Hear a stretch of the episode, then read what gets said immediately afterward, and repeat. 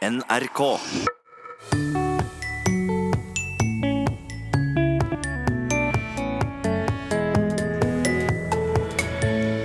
En seier for likestillinga, sier kvinner i Frankrike.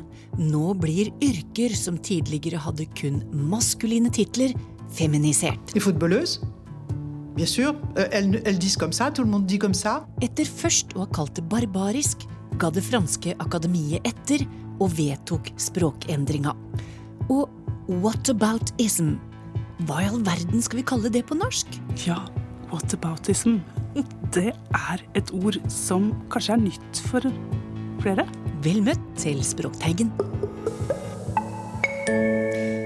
Språket er viktig for likestillinga. Blant annet har mange yrkestitler endra seg i takt med likestillingskampen. Vi har gått fra formann via forkvinne til det mer nøytrale leder. Og nylig ble helsesøster endra til helsesykepleier, ikke uten debatt. I Frankrike bestemte nylig det franske akademiet at yrkestitler skal feminiseres. Og det har heller ikke skjedd uten kamp. Ah oui, oui, oui, bien sûr, bien sûr. Ah oui, oui, oui, c'est énorme. C'est un changement énorme. Det här beslutet är ett enormt framsteg för kvinnor. Det säger den i Frankrike mycket kända Eliane Viennot, professor i litteraturvetenskap vid universitetet i staden Saint-Étienne. Hon har skrivit ett tiotal böcker om orättvisor mellan könen i språket. Vi kvinnor kommer nu att synas mycket mer och bli mer respekterade i framtiden, tror hon. Parce qu'on se met à voir les femmes, à penser aux femmes, à s'adresser aux femmes. Donc ça, c'est un très grand progrès. Andreas Aschem Vatne från Oslo och utbytesstudent i Paris, han tycker att det här är spännande och förklarar debatten så här. Altså at I Norge så har vi jo på en måte gått mot retningen at vi skal prøve at det skal være kjønnsnøytralt, mens her så prøver de jo nå at, å ja, feminisere det, fordi de sier på en måte at det er en eh, kamp i seg selv. De, de, de ser på den saken litt annerledes enn det vi gjør. Hva innebærer språkreformen da i praktiken? Jo, nu när fotbolls-VM för kvinnor närmar sig och där det norska damlandslaget medverkar, ja då ska tv-kommentatorerna i Frankrike akta sig mycket noggrant och inte säga fotbollsspelare. Då skulle det kunna bli folkstorm och protester, tror professor Eliane Viennot. För man ska såklart säga fotbollsspelerska. Footballeuses, bien sûr, euh, elles, elles disent comme ça, tout le monde dit comme ça. En général, on, on- féminise très facilement les mots en français. C'est très facile. För det mesta är det väldigt enkelt att feminisera yrkes och sporttitlarna. Elian menar att alla kan klara av att ställa in sig på de nya orden. 23-årige studenten Martial Breton tycker att akademins nya riktlinjer är bra. När han talar säger han i samma mening författare och författerskor för att respektera båda könen. Det är en filosofi bakom det här. Vi måste öka likestillingen. Det franska språket är för maskulint, tycker han. c'est-à-dire la philosophie de euh, euh, l'égalité et on a une langue française qui malheureusement est très masculinisée Men fransmännen är delade i frågan. 46-årige dataspecialisten Richard Kell tycker det låter fult att säga piloterska, alltså pilot på flyget. Han är inte van vid det. Kvinnliga piloter borde acceptera den gamla maskulina formen utan att krångla, menar han. Pilot, pilot de ligne, pilotesse de ligne, je trouve pas ça euh, super agréable à écouter. På det norska studenthemmet som ligger i södra Paris visar det seg at flere er insatta i debatten. Hva tycker de da om at tjejerna i sommarens damfotbolls-VM kommer att kallas for fotbollsspelerskor her i Frankrike? For min del så syns jeg det både funker om vi har noe som er nøytralt, og som gjelder for begge kjønn, eller om vi velger å, å endre. Rebecca Lie fra Asker studerer internasjonal sikkerhet. Og Hanna Lygeren fra Bergen, her hun studerer økonomi. Jeg er egentlig enig. Altså, jeg har ikke tenkt så veldig mye over det sjøl, men jeg tenker at jeg syns det egentlig er litt bra. Men det gjør det òg litt komplisert hvis man skal endre på noe som allerede er mm. etablert. Vi bruker kanskje ofte den maskuline formen. Da. At Går det ikke for langt å anvende for mye maskuline former på norsk? da? Det spørs jo på en måte om det kanskje har blitt så vanlig å bruke det for kvinner også, at det på en måte har blitt kjønnsnøytralt, da, selv, om altså, selv, om det ikke er det opprinnelig. For min del så vil jeg nok foretrekke den retningen vi går i Norge, hvor det er kjønnsnøytralt. Jeg syns ikke akkurat et, et yrke skal være betinget av kjønn, på en måte. Altså jeg føler på en måte at det, eh, det blir mer inklusivt hvis man har et nøytralt uh, yrkesnavn. Debatten om feminiseringen har pågått i flere decennier og den har vært mye livlig. Lenge har den manligt dominerade franska akademin stretat emot. Inom politiken har mange manliga politiker hånat sina kvinnliga kollegor. När männen i den franska nationalförsamlingen använt titeln fru ministern så har det orsakat stor irritation hos de kvinnliga politikerna och allt det här det har hamnat på första sidorna i medierna berättar språkspecialisten Eliane Viennot. Le fait d'appeler les femmes au masculin dans, pour les positions très importantes. Även om det inte kan bli några böter om man missar de feminina formerna så finns det språkpoliser. Och de är många. De arbetar till exempel i de franska medierna. Jag gick upp till en av världens mest prestigefyllda tidningar, Le Monde. Marion Herold, som är chef för korrekturen på Le Monde, hon är passionerad av det franska språket och tycker att språkreformen är jättebra. Que oui, c'est bien, c'est une bonne chose. Nous et plein d'autres titres ou maisons d'édition féminisaient déjà hein, les, les, les, noms de profession. Donc on n'a pas attendu. Vi har liksom många andra medier tjuvstartat, säger hon. Vi använder feminina yrkes och sporttitlar sedan flera år, berättar hon. Nu när Franska akademin sagt sitt så är vi förstås ännu strängare på att följa reglerna gällande feminiseringen. Reformen är visserligen bara en droppe i havet men den kan hjelpe kvinner at bli jämställda, likeställda män, säger hon. Protesterna på tidningsredaktionerna har inte varit många. Men visst är det svårt att bryta vissa gamla vanor. Bon, on corrige. Oui, oui, on corrige. Vous faites un rappel aux journalistes ou Ça peut arriver. Om en journalist glömmer bort de nya feminina formerna så rättar Marion eller de andra korrekturläsarna. Marion plockar fram en lista med några exempel på feminiseringarna som går att hitta i Le Monde. J'en ai sorti une, voilà, une, une imprimante, un clown, une clown. Une clown. Voilà. För kvinnor ska man nu skriva i tidningen clownerska. Forskerska är ett annat ord. Mm. Chercheuse, oui, c'est connu. Ouais, chercheuse pizzaiola, altså en kvinne som baker pizza. Une pizzaiola. Voilà. Ça, c'est C'est pas mal. Reporter her var Johan Tolgert. Og vi flytter oss fra Frankrike til Hamar.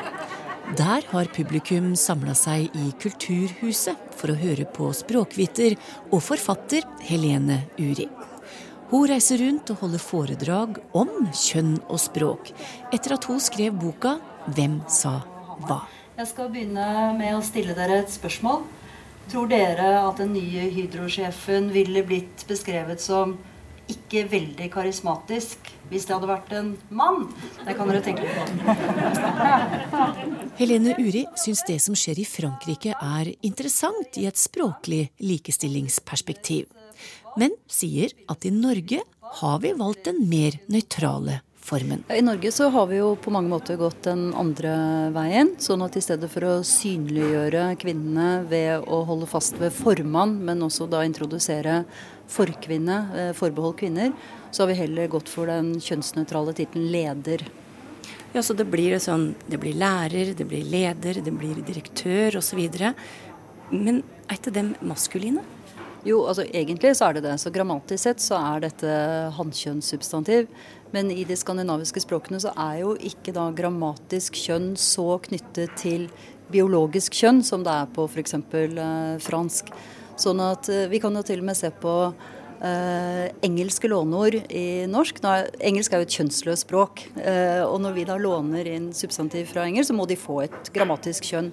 Og det blir stort sett hannkjønn. Så på det området så er, eh, der er hannkjønnet det, det vinnende kjønnet. Eh, og det gjelder også ord for kvinner. Altså tenk på lady, eh, tenk på bitch. Det heter ikke ladya, det heter ladyen. Eh, og oftest så heter det bitchen, selv om det nok kan forekomme bitcha også. Sånn at eh, grammatisk kjønn på norsk er ikke så sterkt knyttet til biologisk kjønn som det er på fransk. Så det er ganske store strukturelle forskjeller på eh, hva skal vi si, betydningen av grammatisk kjønn i fransk og på norsk. Og ettersom biologisk kjønn og grammatisk kjønn er så nært knytta til hverandre i fransk, mener hun det ville vært helt utenkelig at lady og bitch hadde blitt hannkjønnsord i fransk. Og derfor så mener hun Frankrike må velge en annen vei til likestilling av yrkestitler i språket enn vi gjør. Så man kan jo tenke seg at i Frankrike så har de ønsket da å gjøre noe for å få et mer kjønnsbalansert språk.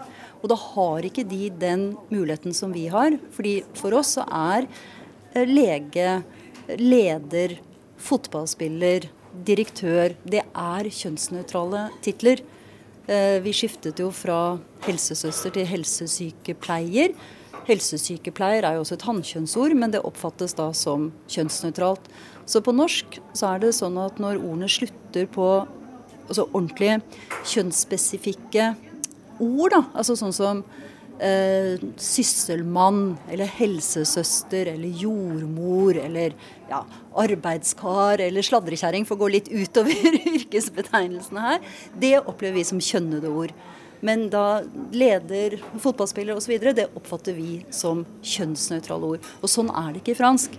Altså le chef eh, og le footballeur, det er maskuline ord. Og for å da synliggjøre kvinnene, så må man da velge la chef og la fotballeuse. Jeg prøvde meg litt på noen ord da, på den franske varianten eh, på norsk. Eh, det ble nevnt pilot her. Eh, pilotinne. Det høres litt rart ut. Forskerinne, direktrise. Virker veldig unaturlig, så dette fungerer rett og slett ikke på språket vårt. Ja, altså Vi kan jo lage det. Vi kan jo tenke oss en syr og en syrske. Vi har jo hatt en skuespiller, skuespillerinne, så vi har jo muligheten på norsk. Men det føles nok nokså gammeldags uh, for de fleste av oss.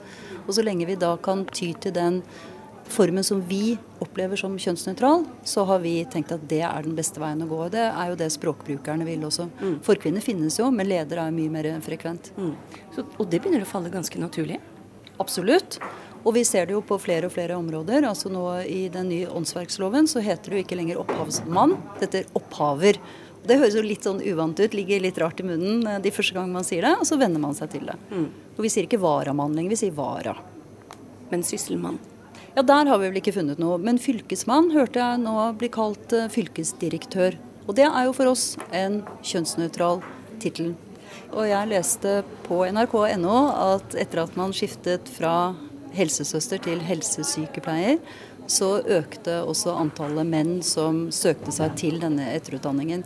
Og det er klart, Jeg skal ikke sitte her og insistere på at det er en sammenheng med navnet, men jeg, tenker noe mitt, da. Og så er det veldig lett å tenke at det spiller ingen rolle om det heter nordmann. Kjære vene, vi er alle nordmenn. Det kan da ikke gjøre noen ting.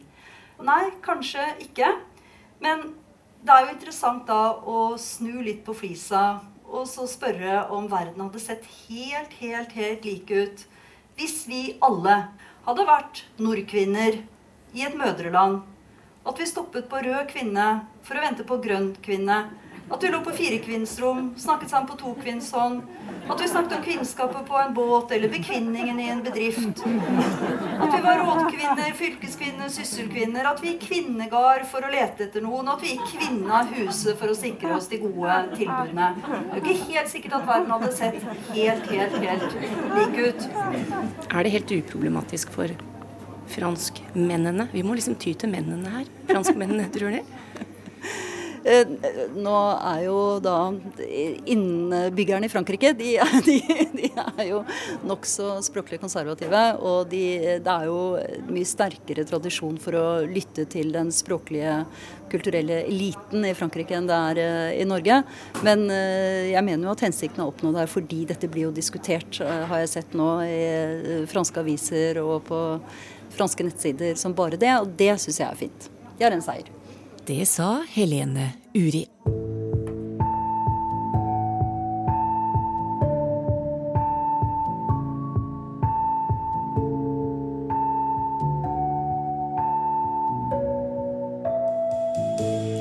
Da kaster vi oss over bunken med lytterspørsmål, og de første går til Toril Oppsal.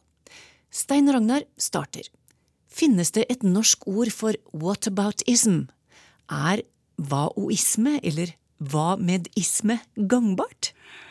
Ja, whataboutism.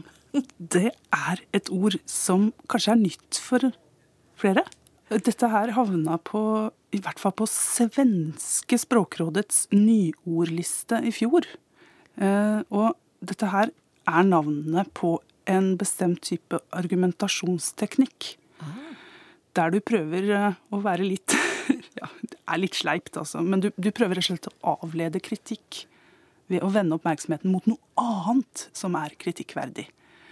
Um, vi kan jo ta et lite eksempel fra hjemmebane. Ja.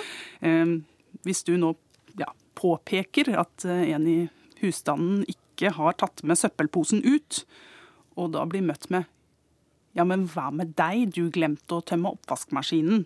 Og begge deler er for så vidt kritikkverdige, men denne oppvaskmaskintømminga har ikke noe med søppelposen å gjøre. Altså, så, så, det er det med altså, Du tvinger motparten til å måtte forsvare seg, eh, men for noe som er kobla til noe helt annet. Mm. Eh, og dette er jo i politisk sammenheng ofte kobla til det å unngå å svare på kritikk ved å peke på kritikk hos opposisjonen. Så ganske mye brukt, med andre ord. Ja, og det er særlig det siste også kobla en del til ordbruken til Donald Trump. Mm. Som også har en tendens til å starte særlig korte Twitter-meldinger med 'what about'. Um, men, men, hva skal vi kalle dette på norsk, da? Yep. Altså jeg ser Det er en lokalpolitiker um, fra Bærum, mener jeg, som heter Bie, som har brukt hva-medisme Mm. uh, som et uh, forslag. Uh, jeg har også sett jamanisme blitt foreslått. Eh, Jeg syns Ja. Jammen hva med? Teknikk. Den har jo litt schwung over seg. Altså, jeg jeg syns det er vanskelig å, å, å foreslå noe, men, men, eh, men, det er mange ting som klinger godt. Eh, Jeg syns vi skal prøve oss med hva med disme. Ja, og så gjelder det vel å komme fort på banen Ja, er med et norsk ord nå. akkurat det. Mm. Vi, vi vil jo ikke ha denne whataboutism. Nei. Nei, vi vil ha et norsk uttrykk. Hva med disme? Mhm. Ja, da har vi lansert den. Hei, vi har et ord som vi lurer på. Kan det ikke hjelpe? Det er tredje drama på Stange videregående skole som spør, og ordet, eller ordene, er kontrapunktisk komposisjon. Vakkert. Ja, her tror jeg dramaklassen kan eh, banke på hos musikklassen og få et ganske utfyllende svar. Men jeg, jeg kan begynne. Ja. Eh, Fordi kontrapunktisk, det hører vi kanskje, at er et adjektiv som beskriver en komposisjon. Og det adjektivet, kontrapunktisk, det er avleda av et substantiv, kontrapunkt. Og det kommer fra latin. Punktum kontra punktum, som betyr note mot note. Og her er stikkordet mot. Fordi dette her dreier seg nettopp om et møte mellom melodier. Så der hvor du setter én eller flere melodier til en gitt melodi, så oppstår det et kontrapunkt. Så den teknikken og kunnskapen om hvordan du bruker den teknikken til å skape flerstemmighet, det er det du lærer hvis du studerer kontrapunkt. Så en kontrapunktisk komposisjon, den er altså satt sammen av et møte mellom en hovedmelodi og en eller flere ganske så selvstendige motmelodier. Aha, akkurat som et Ja. arrangement, da, rett og slett, ja. for flere instrumenter eller flere Ja, nemlig. stemmer? Hvor, da, hvor disse stemmene har uh, en selvstendighet. Uh, og de er også satt sammen etter noen ganske bestemte regler eh, i klassisk forstand. Og så må jeg innrømme at da jeg var liten, så satte jeg stor pris på et TV-program som het nettopp Kontrapunkt. Ja. Eh, og det, det ligger tilgjengelig ganske mange episoder av det i eh, NRK sitt arkiv. Så hvis noen savner det, så, så, så kan jeg anbefale å, å kikke litt på Kontrapunkt, som nettopp da tar opp denne sammenstillingen av melodier. Eh, Og dette er jo et program som nettopp handler om å gjette på klassisk musikk. Jeg sitter også og lurer på hvordan de har tenkt å få den der kontrapunktiske komposisjonen inn i drama, men det får kanskje Stange Ja, videregående men, men du hva, det, det, det, er, det, det kan de jo for så vidt få jobbe litt med, men, men, men det, det er godt at du sier det. Fordi kontrapunkt også er brukt som både et begrep og et prinsipp innenfor litteraturvitenskapen. Der man nettopp kan sette temaer og motiver opp mot hverandre og skape en egen form for eh, flerstemmighet. Så den musikkbetydningen er også brukt i andre sammenhenger. Så, så kanskje drama også er mulig. Men så en liten nøtt. Vi sier svensken og dansken og nordmannen. Dette her er kanskje å føles som gammelt nytt. Altså, vi sier ikke norsken, skriver Finn Otto Arneberg. Men så hørte han en svensk reporter på radio som sa norsken. Men er norsken noe vi sier på norsk? Ja, og her kan vi jo spørre om hva vi er. Fordi eh, vi er, er så mangt. Fordi eh, For det første så kan du slå opp i nynorskordboka og finne substantivet 'én norske' i betydningen nordmann. Eh, og norskordbok har 'norskar' i samme betydning som et substantiv. Og jeg mistenker at du, Torunn, sier 'en norske'. Ja, jeg gjør det. Ja, og også andre. Særlig en del folk som bor og oppholder seg langs eh, svenskegrensa. Mm. Så, så her er det ikke så, så, så rart at verken du eller svensken sier dette. Eh, Og når vi skal snakke om svensken og dansken og nordmann-vitser, som jeg sier, så, så dukker det opp eh, andre varianter, som dansken og svensken og norsken. Ja.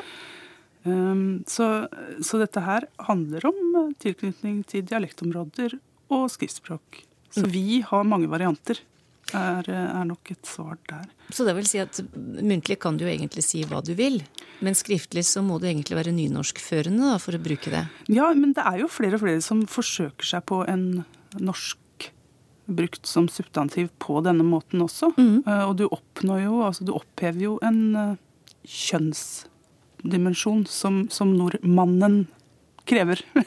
Ja. Eh, så, så det er kanskje ikke så dumt, akkurat det der. Er det noen god grunn til at folk skriver 'personlig er jeg enig', eller 'for min del er jeg enig', framfor bare 'jeg er enig'? Er det ikke bare fyllord, spør Torgeir Holmøy. Nei, det er ikke bare fyllord. Eh, Dette her har nok en effekt. Eh, Det har en eh, forsterkende effekt, for det første, der du fremhever dette jeget, det pronomenet, som uttrykker noe. Og da har vi jo andre muligheter å uttrykke det samme på, f.eks. med å si 'for eget vedkommende' eller å understreke og forsterke 'jeg'. Mm. Og i det øyeblikket du understreker eller forsterker noe, så skaper du også en kontrast. Så ved å si at eh, personlig er jeg enig, sitter ikke du da og venter på et lite men? Jo, men? egentlig. Så så du, du markerer da også på en ganske elegant måte uenighet, uten at du reiser noen åpenlys kritikk.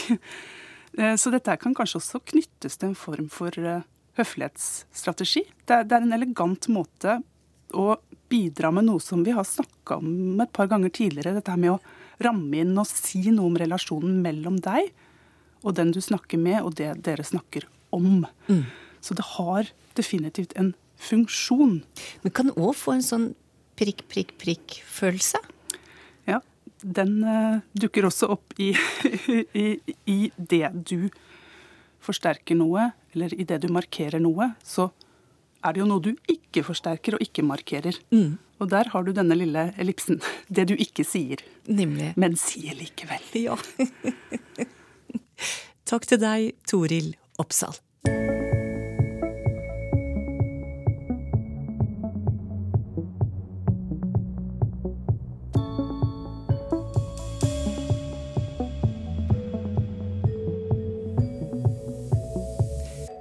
Skal ta med et dialektspørsmål før vi gir oss helt i dag. Og da er det Tor Erik Gjenstad som er klar til å svare. Spørsmålet kommer fra Otto Prytz. Hva kommer ordet pusk eller puske av? Det er et ord som brukes i mange varianter, skriver han, og nevner setninger som det er bare pusk med meg, eller mer muntlig, er jeg så puskete i dag, som han husker fra Steigen i Nordland. Han pusker med noe i hagen er en annen variant, eller sagt av folk på besøk, jeg får vel pusk med heim. Mhm. Så hva kommer dette ordet av? Ja, nei, det er heller ikke så godt å si.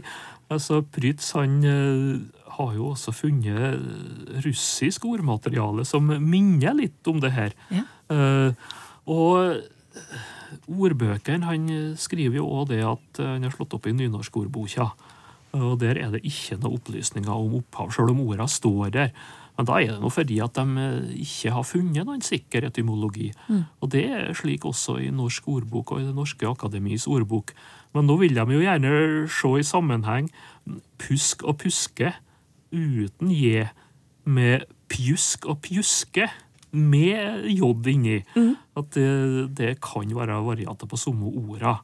Og men iallfall pusk eh, som substantiv om eh, noe smått, og verbet å puske, om å pusle og stelle. Når det ikke har slik jod, så er det klart tyngdepunkt i Nord-Norge. Okay. viser det seg. Det finnes da litt nedover eh, Trøndelag og litt på Vestlandet. Mens pjusk og pjuske er jo atskillig mer allment, og det har du òg i, dansk og svensk. Så svaret må bli at det er, det er usikkert, men eh, ordbøkene antyder iallfall at det, det er pusk og pjusk kan være samme ordet med et slags j-innskott. Men det er klart, oppe i Nord-Norge, som Prytz så sier, så har det vært mye språkkontakt eh, med samisk, med finsk og også med russisk da, oppe i Finnmark. Så jeg skal ikke se bort ifra en påvirkning. Nei, men du klarer ikke å finne noe Ikke noe sikkert, nei. Jeg tar ikke ga noe lenger enn det de autoritative ordbøkene gjør, nei. Eh, Det er bare vise imellom eh, puske og pjuske, og, og, og vise til dansk og svensk parallell for pjuske. F.eks. For eksempel eldre dansk å pjuske seg. uh, om uh, dyr og fugler som rister fjærhammen i Ja, pelsen. Det er i betydning eldre dansk. Og derifra til å, å, å, å stelle med noen småting, det, det er kanskje ikke så lang vei. Men det er usikkert. Det er liksom eh, opphavet lengst atti her, ja. Hm. Takk til deg, Tor Erik Gjenstad, og det ble siste svar i dag. Har du spørsmål, ja, så er adressa vår teigen krøllalfa nrk.no. Jeg ønsker deg en fortsatt god påske. Ha det bra.